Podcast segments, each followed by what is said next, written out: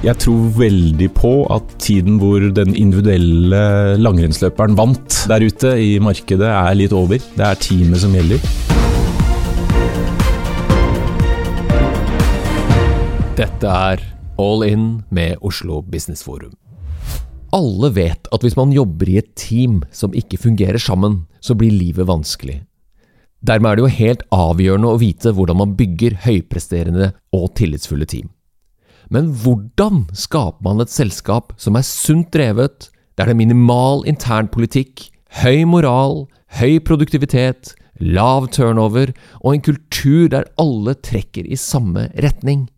I dag har vi med oss Sverre Tyrhaug, managing partner i et av landets ledende advokatselskap, nemlig Thommessen. Sverre er jurist, og vi har hørt gode ord om hans lederstil og måten de har jobbet med å organisere og lede team bestående av høyt kompetente medarbeidere i Thommessen. Sverre har uttalt at det er et mål å få de ansatte til å stole mer på hverandre, og gjennom det bli bedre problemløsere sammen. Så i den neste halvtimen skal vi bli litt bedre kjent med hva de har gjort, hvordan de har tenkt, og hva det har resultert i. Så det jeg er nysgjerrig på nå, er 1. Hvordan har de gått frem med Thommessen for å bygge tillit i team? 2. Hvordan skaper de en kultur der det er takhøyde for konstruktive og lidenskapelig faglige diskusjoner uten at det blir personlig uenighet og konflikt? Og 3. Hva slags verktøy og oppfølging trenger kunnskapsarbeidere i dag for å prestere optimalt i tverrfaglige team? Jeg gleder meg til å høre mer om dette. Mitt navn er Tor Haugnes. Velkommen til podkasten All in med Oslo Business Forum, en podkast for ledere som er lidenskapelig opptatt av ledelse, innovasjon og strategi.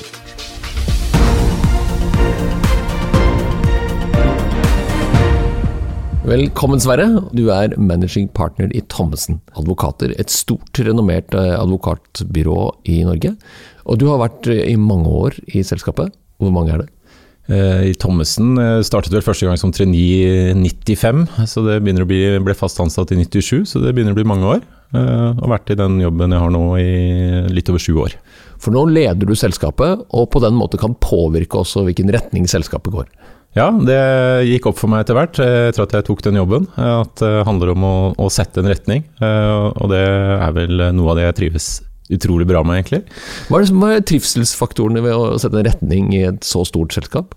Jeg vet ikke. Jeg, det er jo noe med at jeg har, jeg har vært i firmaet lenge, jeg har gode kolleger eh, som jeg kjenner godt. Eh, så er det rett og slett utrolig gøy å prøve å jobbe med å påvirke holdt på å si, folks vaner og folks trivsel og folks ønske om å kanskje lære enda mer og levere ting enda bedre. Mm. Men du er jo ikke noen lærer, så dette, du er jo en jurist. Ja. Og juristembetseksamen inneholder jo ikke noe særlig ledertrening eller eh, people management eller noe sånt, gjør den vel? Nei. Så hvor kommer dette fra, da? Jeg vet ikke, jeg, jeg, er vel en litt sånn eh, konstant nysgjerrig eh, type. Jeg tror at veldig mye av ledelse handler om å bygge litt bro ut i verden, se hva som skjer. Uh, la seg inspirere av andre miljøer, helt andre ting. Generelt viktig med en nysgjerrighet. Jeg tenker jo liksom at ledelse handler mye om hva vi kan gjøre annerledes. Og da må man jo bytte litt perspektiver og, og tenke litt på det. Eh, samtidig så er det jo en utrolig viktig dimensjon at folk skal trives. Jeg er veldig opptatt av at vi skal leve en visjon om at folk skal plystre til og fra jobb. Eh, og jeg skal gjerne ha klienter som drømmer om eh, den tjenesten vi får fra Thommessen. Og det samspillet mellom liksom å se etter hva vi kan gjøre annerledes, og prøve å få det implementert i organisasjonen, det, det syns jeg er spennende å jobbe med. Kjempespennende. Plystring til og fra jobben, altså. Eh, jeg vet at dere i Thommessen bruker et verktøy av Patrick Lencioni, som omtales som The Five Dysfunctions of a Team. Og Det handler om å bygge høypresterende team. Fortell litt om hvordan dere bruker dette, Sverre. Ja, For å starte litt tilbake. Vi har jobbet veldig mye Thommessen med strategi. Hva kan skille oss ut? Hva skal vi gjøre annerledes? Vi er veldig opptatt av at visse ting skal være felles. Vi skal ha liksom en, en, felles Thommessen-opplevelse. Noe, noe, som kjennetegner oss, uansett hvem hos Thommessen du er i kontakt med.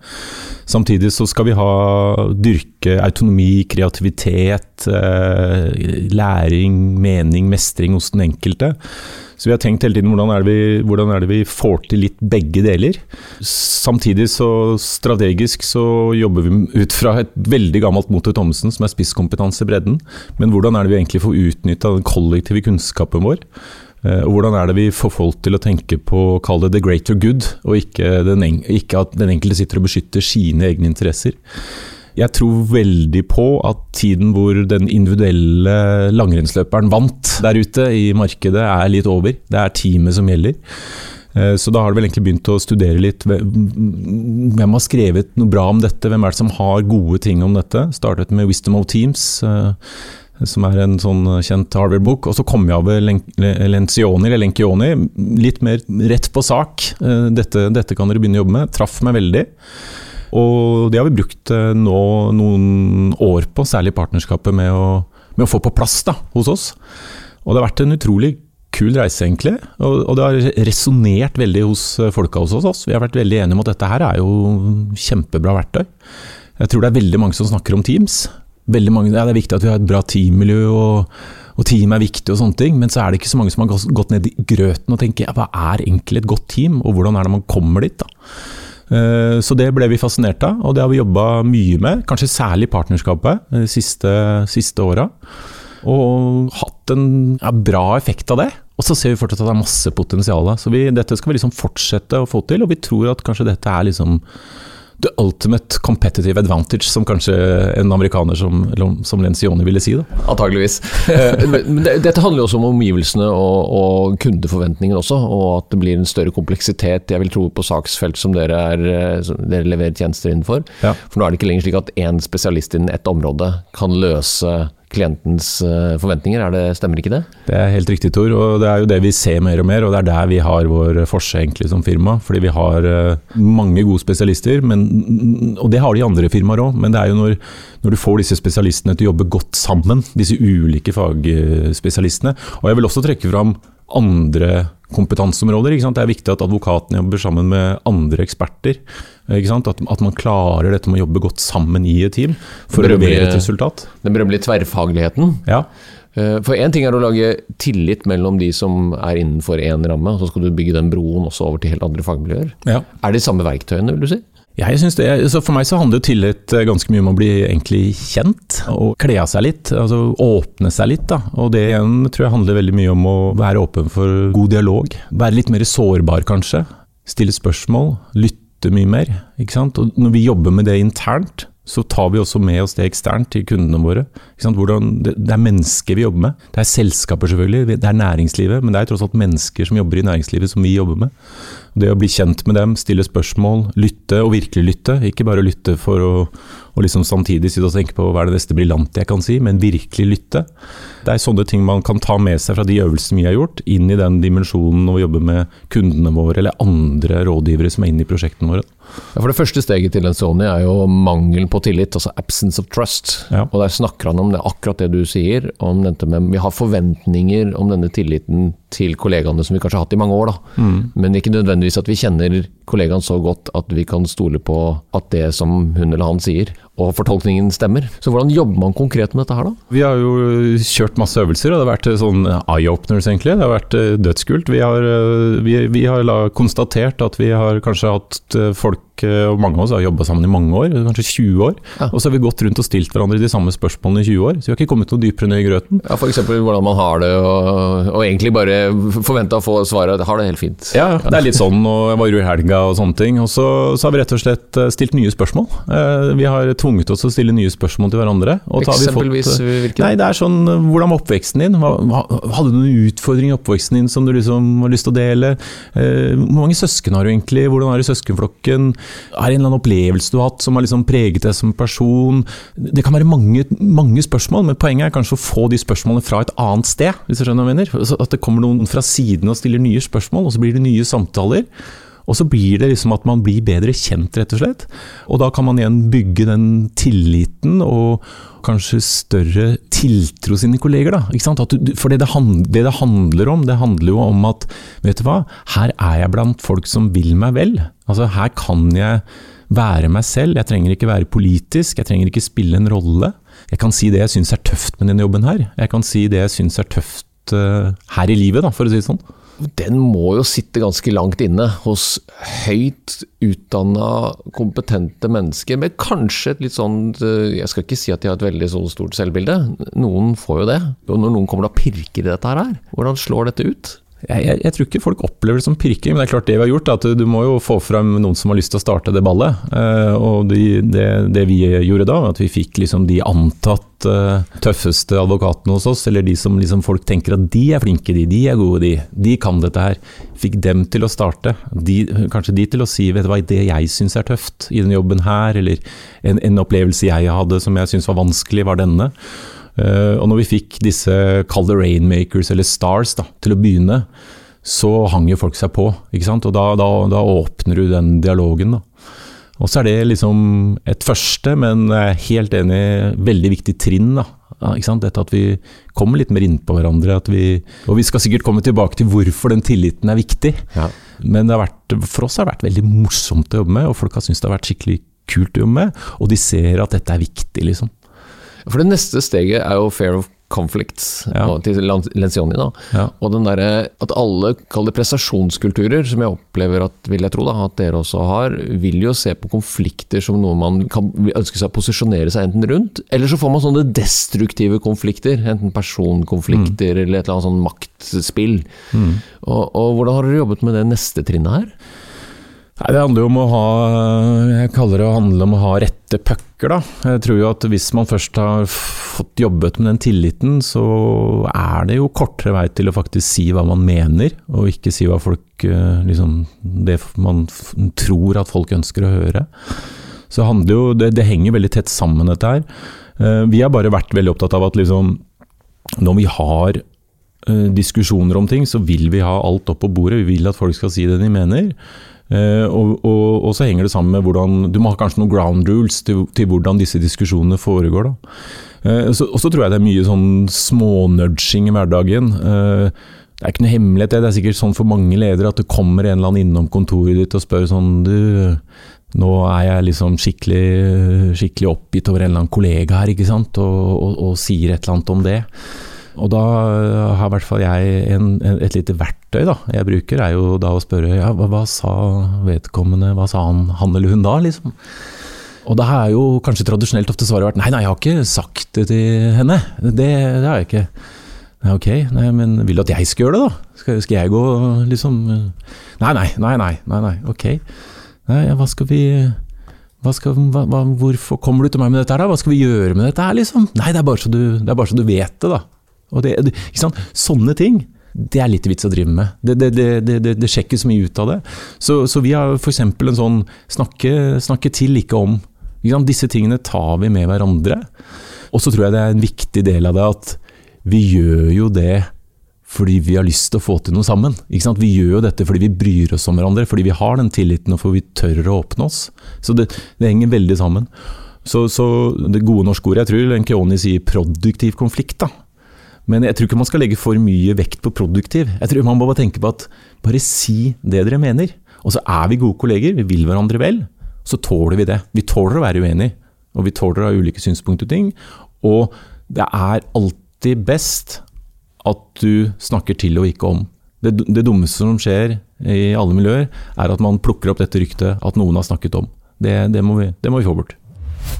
Forskning viser at relasjonsledelse gjerne kombinert med en dash med visjoner, gir best resultat både for de ansatte og bedriften.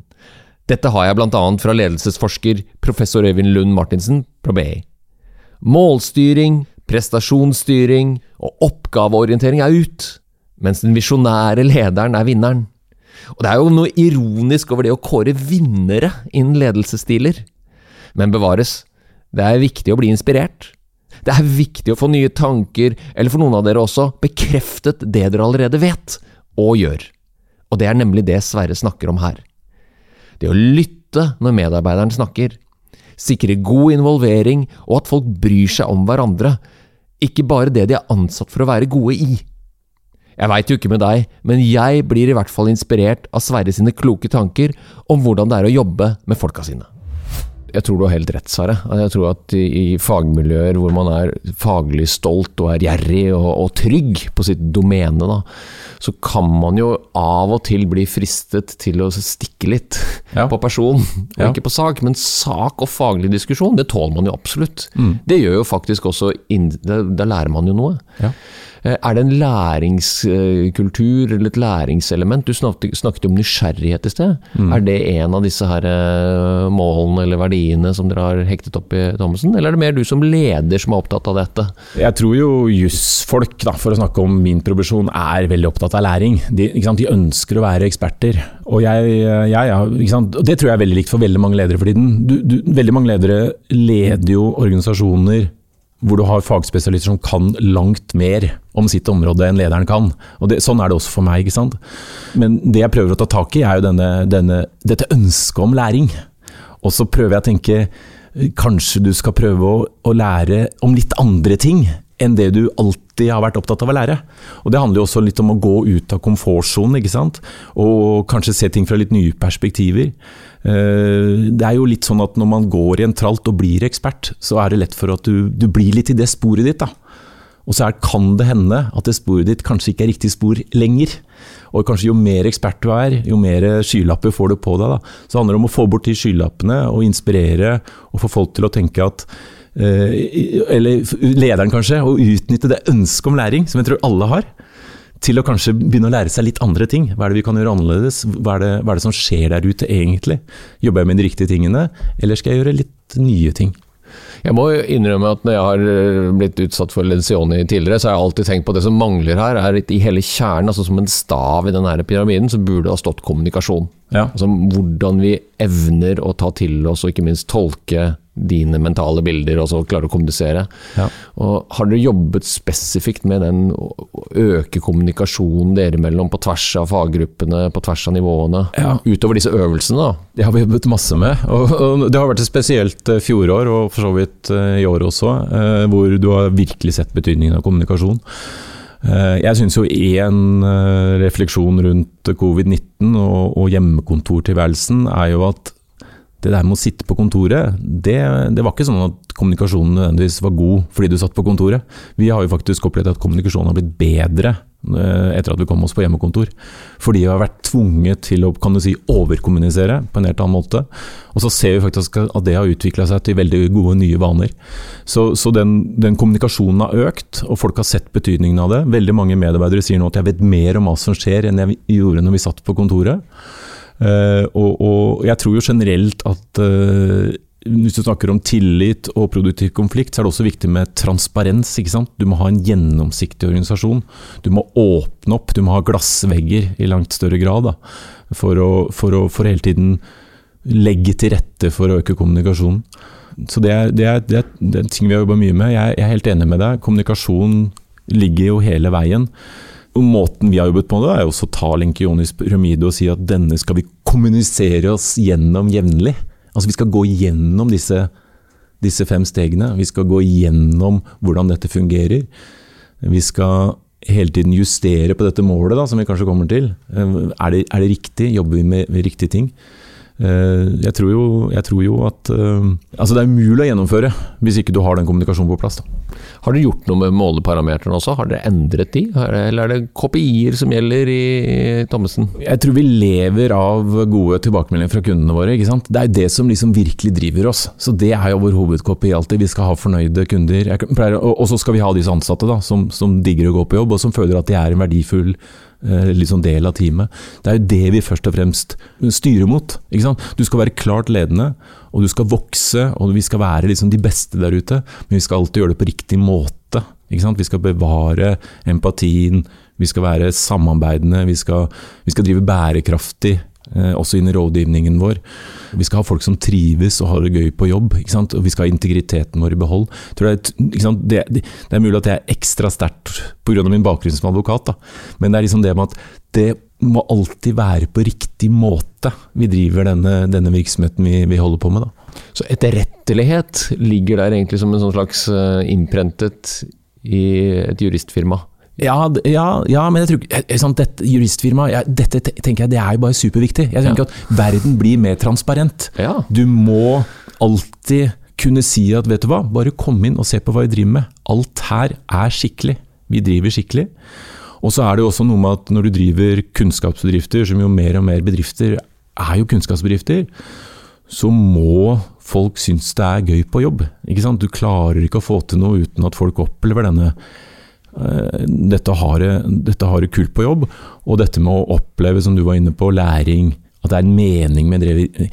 Mening er viktig. Det, det, er jo, det, er jo, litt slitt, men liksom dette med at forretningsadvokater Folk tenker pengeflyttere og Vika Aker Brygge. Vi skal søke for et velfungerende og bærekraftig næringsliv som, som trygger arbeidsplassene i Norge. At det skal være attraktivt å investere i Norge, men ikke, sånn, ikke, minst at det skal funke bra. Og det betyr at folk har en jobb å gå til, og det er egentlig det vi, det egentlig det vi driver med.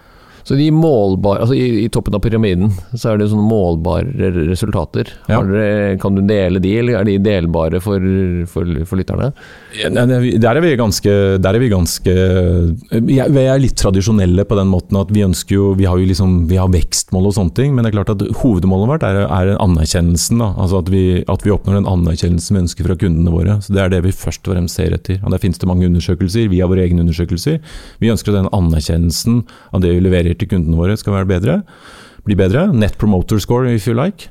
Uh, og så ønsker vi at uh, medarbeiderne skal trives bedre og bedre. Det er først og fremst det vi måler. Så tror vi at vi, hvis vi får til det, og i tillegg til de andre tingene som jeg gjerne kan snakke mer om, som går mer på vår, våre strategiske satsinger, så tror vi at det kommer, kommer lønnsom vekst ut av det. Det er jo, det er jo sånn, vi, sånn, vi, tenker på det. Da, slik jeg forstår deg riktig, så det å, å få folk til å jobbe mot, da, for å bruke norsk begrep, altså mot samme retning, og, og klare å kommunisere godt nok, så er den der tilliten i bunnen og ikke så mye konflikter, rake pucker, som du sier, line dem mot samme målet. Men bruker dere også noe verktøy for å nå dit, på individnivå? Altså type måle de, eller motivere de? Ja, det, det, Vi så jo det når vi jobba med pyramiden, at uh, det der med at disse teamene, da, at de har et felles mål.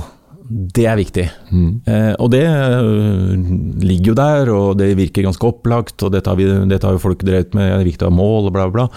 Men vi så at det, det, dette var ikke godt nok. Vi begynte jo med Lenkeoni og teampyramiden for nå ganske mange år siden, men vi så at det der felles mål i teamet, det, det må vi bli enda bedre på. Jeg føler meg som en sånn amerikansk sånn ledelsesjunkie nå, men, eh, men, eh, da kom jeg over en, eh, en, annen kar da, med OKRs, ikke sant. Og, og det, det, også, det, traff ganske bra. Igjen tilbake til at egentlig som en del av det vi jobber med på ekte team, så fant vi ut at vi må ha bedre Vi må sette oss bedre mål. Mm. Ikke sant? Og du må tenke langsiktig.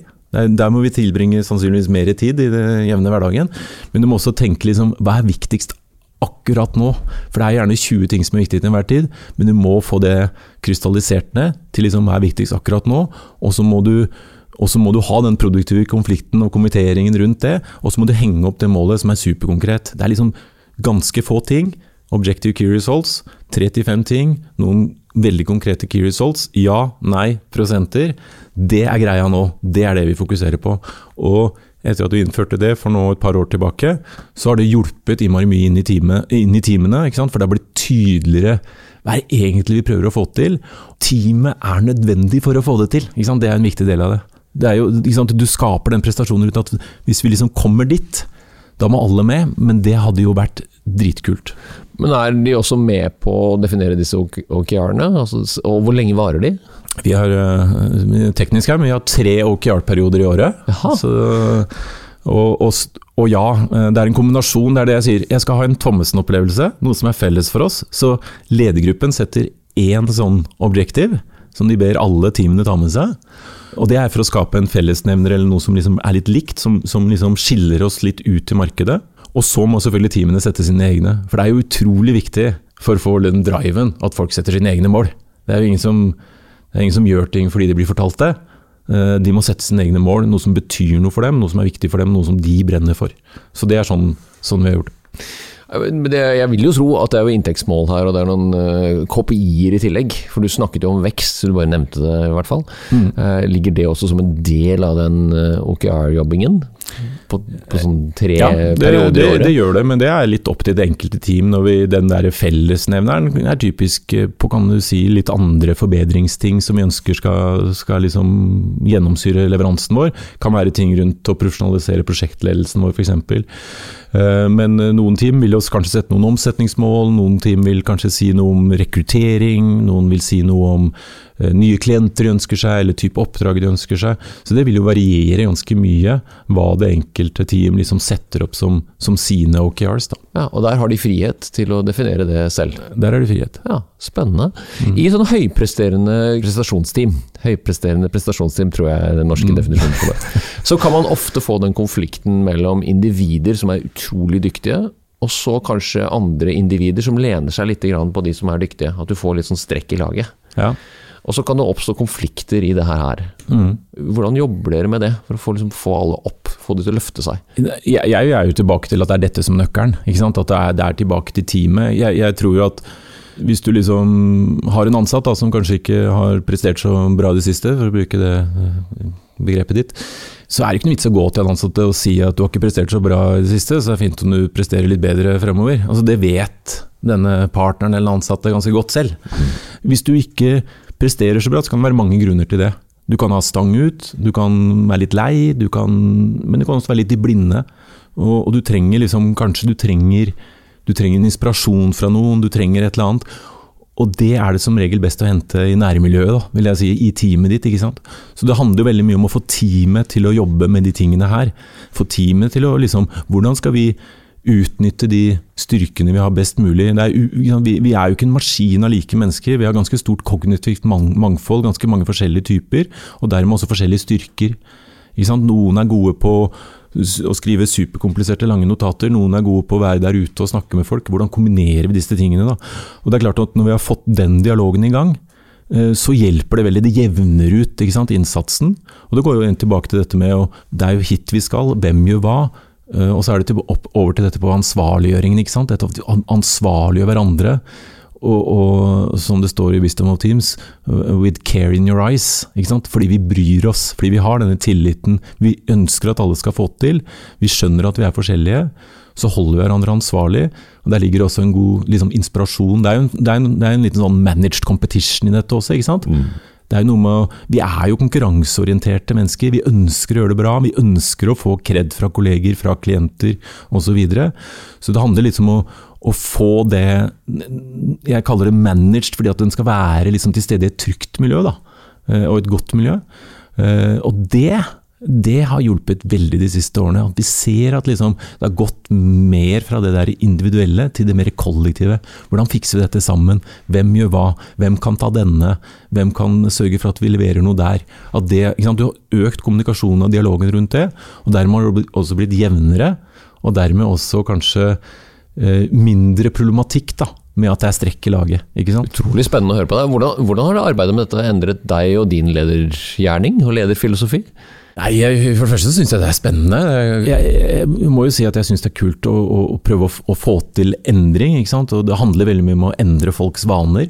Og jeg tror f.eks. én ting som har farget meg litt der, er jo han øh, grunnleggeren av Anonyme alkoholikere og hans mantra om at skal du få til endring, så handler det ikke så mye om viljestyrke.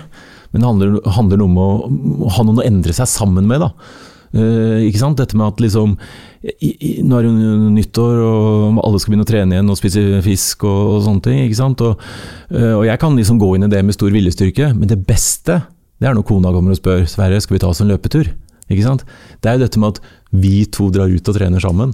Det, det er det som? Og, og, og, dette har jeg liksom tatt med meg inn at vet du hva, dette må vi fikse sammen. Og vi må finne de plattformene som gjør at vi, vi gjør disse tingene vi tror er riktig sammen. Da. Det er så mye lettere å gjøre nye ting sammen med andre. Det er så mye lettere å ta risiko sammen med andre. Det er så mye lettere å liksom våge litt ting da, sammen med andre. Så, ledelsesfilosofi, ja. Kanskje at det er mer det at ledelse handler om å få til ting sammen med andre. ikke sant? Og det, det er liksom det hele spørsmålet hvordan jobber du for at det skal skje? Min kollega i All In, Sigurd Granmark, han, han deler opp ledelse i led del C. Altså le for å ha latter, og så del for å dele det man vet. Men det der å se folk, og hele tiden være bevisst det å anerkjenne og løfte fram, og det er jo det du snakker om. Ja. Altså når, når, folk blir sett, så har de jo ofte gjerne større tillit til den som ser deg. Ja. Har det vært noen utfordringer som har overrasket deg, eller har det gått lettere enn du trodde? Jeg tror nesten det viktigste for meg inn i den rollen her, er å være, bare være ståltrygg på at bare være her sjøl. Altså, Vær deg selv, liksom. Trenger ikke spille noen rolle. Bare gå i den dialogen med folk. Og lytt og hør, og prøv å forstå folk. da. Det er vel kanskje det jeg, det jeg jobba mest med. Jeg tror Noe som har vært bra for meg, har vært den nysgjerrigheten. Altså det at jeg liksom alltid er interessert da, eh, i å lære mer om det er teknologi, mennesker, hva som skjer der ute. Men også liksom interessert i folk. da. At det er viktig. Eh, at nå snakkes det veldig mye om disruptor die og teknologi og sånne ting, men det er jo sannsynligvis uh, i overskuelig fremtid i hvert fall. Den menneskelige utviklingen det handler om, først og fremst. da. Det er det, er i hvert fall jeg driver med. Ja, det er, det er, nå, nå, ga du egentlig de rådene som jeg hadde bedt deg om å gi til andre ledere, men kan du gi et råd da, til de som nå vurderer å gå løs på for å skape bedre prestasjon i team? Hvor skal de starte hen, Sverre?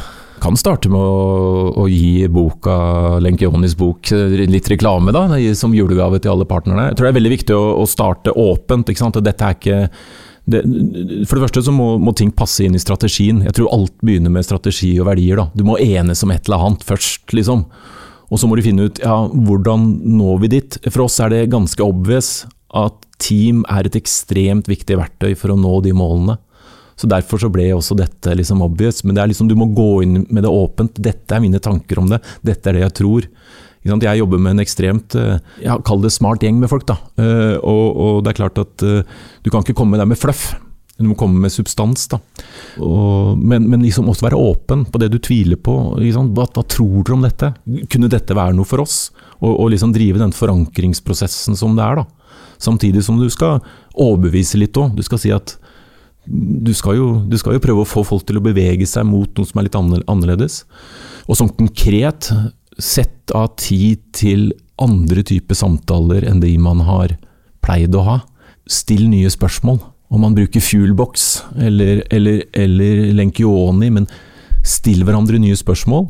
Og så få noen av de som antatt stjernene til å gå ut og vise litt sårbarhet. Så er man, så er man godt i gang, da. Tusen takk for kloke betraktninger og spennende innsikt som du deler med oss, og lykke til videre, dessverre. Tusen takk, Tor. Etter denne samtalen sitter jeg igjen med flere tanker. At lederen må tørre mer, er antagelig en floskel du har hørt mange ganger før.